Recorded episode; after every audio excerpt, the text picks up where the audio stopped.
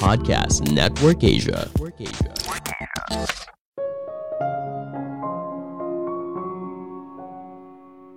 Jika bicara soal uang, ternyata jauh dari kata rasional. Manusia sering kali mengambil keputusan keuangan berdasarkan perasaan. Halo semuanya, nama saya Michael. Selamat datang di podcast saya, Sikutu Buku. Kali ini saya akan bahas buku Dollar and Cents karya Dan Early dan Jeff Chrysler. Sebelum kita mulai, buat kalian yang mau support podcast ini agar terus berkarya, caranya gampang banget. Kalian cukup klik follow Dukungan kalian membantu banget supaya kita bisa rutin posting dan bersama-sama belajar di podcast ini. Buku ini membahas kalau manusia sering kali irasional jika berhubungan dengan uang. Kenapa kita bersedia membayar untuk masuk rumah hantu? Kenapa kita bersedia membayar 45 ribu untuk sebuah ST di restoran mewah, tapi kita tidak mau membeli ST yang sama dengan harga 4 ribu di restoran biasa? Mungkin kita berpikir uang itu hanyalah sebuah angka. Padahal ketika kita benar-benar menggunakan uang tersebut, kita lebih banyak menggunakan hati daripada logika. Perasaan memiliki pengaruh yang besar dalam membentuk perilaku finansial kita. Entah bisa membuat kita mulai menabung atau malah membeli barang yang sebenarnya tidak kita butuhkan. Saya merangkumnya menjadi tiga hal penting dari buku ini. Pertama, manusia tidak rasional dengan uang. Uang adalah konsep yang abstrak. Selembar kertas dengan tulisan di atasnya bisa digunakan untuk membeli sepotong roti. Walaupun nilai uang terus berubah, tentunya kita sepakat kalau kita membutuhkan uang untuk bisa menjalani kehidupan sehari-hari. Menariknya, kita sering kali berpikir kalau kita bisa mengelola keuangan dengan baik. Kita melakukan budgeting, menabung, dan investasi. Tapi anehnya, ketika berhubungan dengan uang, kita sering kali tidak rasional kita malah sering kali membuat keputusan keuangan yang buruk. Mungkin salah satu alasannya ketika kita memiliki dorongan untuk membeli sesuatu, kita jarang sekali berpikir alternatif lain untuk membelanjakan uang tersebut. Dalam ilmu ekonomi, hal ini disebut dengan opportunity cost dan kegagalan kita dalam menyadari hal ini merupakan kesalahan keuangan terbesar yang kita buat. Suatu hari, penulis berbicara dengan beberapa konsumen di sebuah dealer mobil dan bertanya, pembelian apa yang bersedia mereka korbankan untuk membeli mobil baru. Kebanyakan konsumen bingung untuk menjawabnya. Setelah diberikan penjelasan lebih lanjut, mayoritas konsumen bilang kalau mereka jadi tidak membeli mobil dengan tipe lain. Hanya beberapa orang saja yang bisa membuat sebuah hubungan kalau mereka mengorbankan sebuah peluang untuk liburan atau mentraktir diri mereka di restoran mewah. Inilah yang akhirnya membuat penulis sadar kalau mempertimbangkan soal alternatif tidak berjalan secara alamiah bagi mayoritas orang.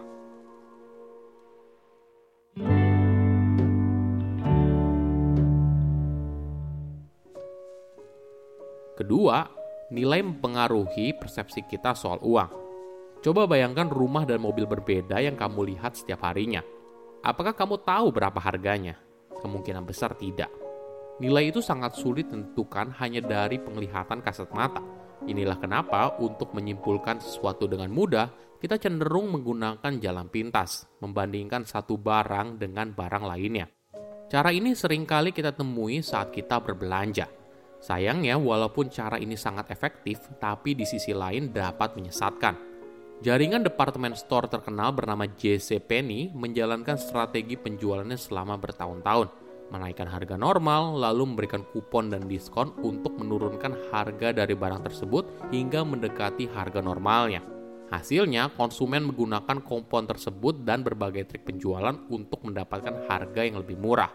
Konsumen dibuat seolah-olah mereka mendapatkan harga yang spesial. Namun pada tahun 2012, CEO JCPenney yang baru bernama Ron Johnson tidak suka dengan praktik yang menyesatkan dia lalu memutuskan kalau harga seharusnya adil dan jujur. Ron menghapus semua kebijakan diskon dan menurunkannya ke harga normal. Konsumen ternyata tidak suka.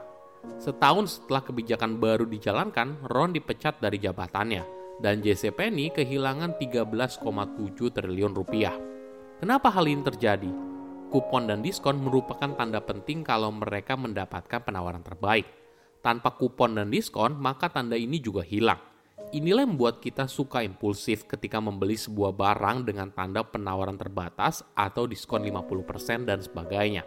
ada informasi yang menarik. Bahasa ternyata punya pengaruh yang besar dalam membentuk persepsi dan pengalaman kita sehari-hari. Contohnya gini, bagaimana bila kamu hanya hidup 20% lebih sedikit dari gaji kamu sekarang?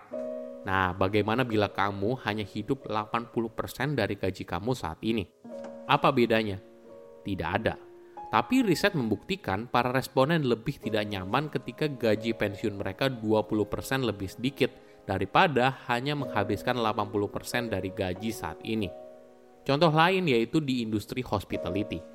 Jika kamu pergi ke restoran mahal, pasti kamu akan lihat nama menu yang panjang-panjang. Nah, nama menu ini justru membuat kita rela membayar berkali-kali lipat daripada menu yang sama di restoran lain.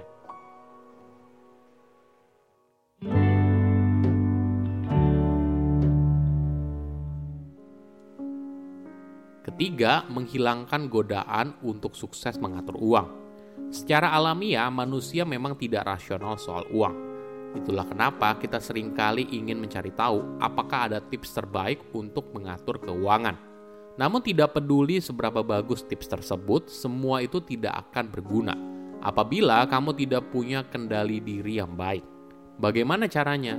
Mungkin kamu bisa meningkatkan hubungan kamu secara emosional dengan dirimu di masa depan Misalnya, kamu merasa kalau dirimu di masa depan pasti akan jadi pribadi yang lebih baik apabila kamu tidak menghabiskan waktu setiap malam nonton TV dan makan es krim.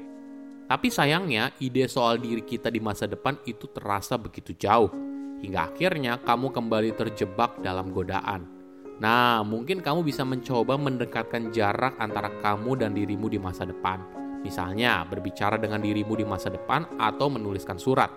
Kamu juga bisa menggambarkan kalau dirimu di masa depan berterima kasih atas keputusan baik yang kamu ambil saat ini. Tips lain untuk melatih kendali diri adalah dengan menggunakan Ulysses Contract.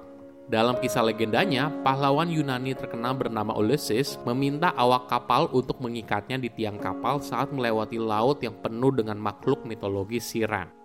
Selain itu, para awak kapal juga diminta untuk menutup telinga mereka agar tidak mendengar lagu siren yang menggoda, namun mematikan.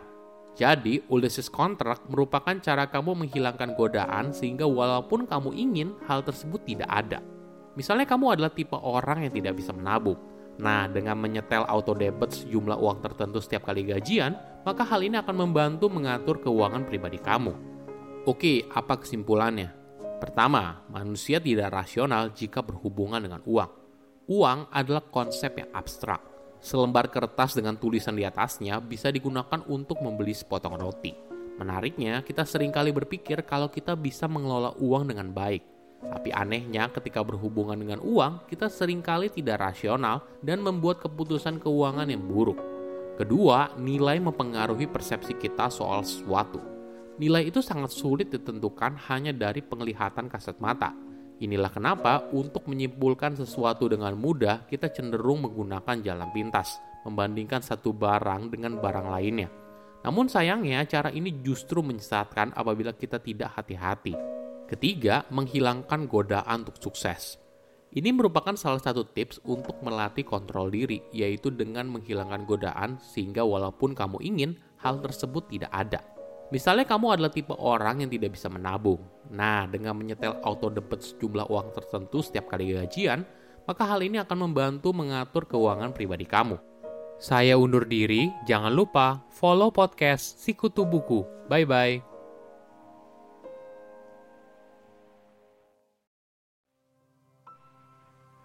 Pandangan dan opini yang disampaikan oleh kreator podcast, host, dan tamu tidak mencerminkan kebijakan resmi dan bagian dari podcast Network Asia. Setiap konten yang disampaikan mereka di dalam podcast adalah opini mereka sendiri dan tidak bermaksud untuk merugikan agama, grup etnik, perkumpulan, organisasi, perusahaan, perorangan, atau siapa pun dan apa pun.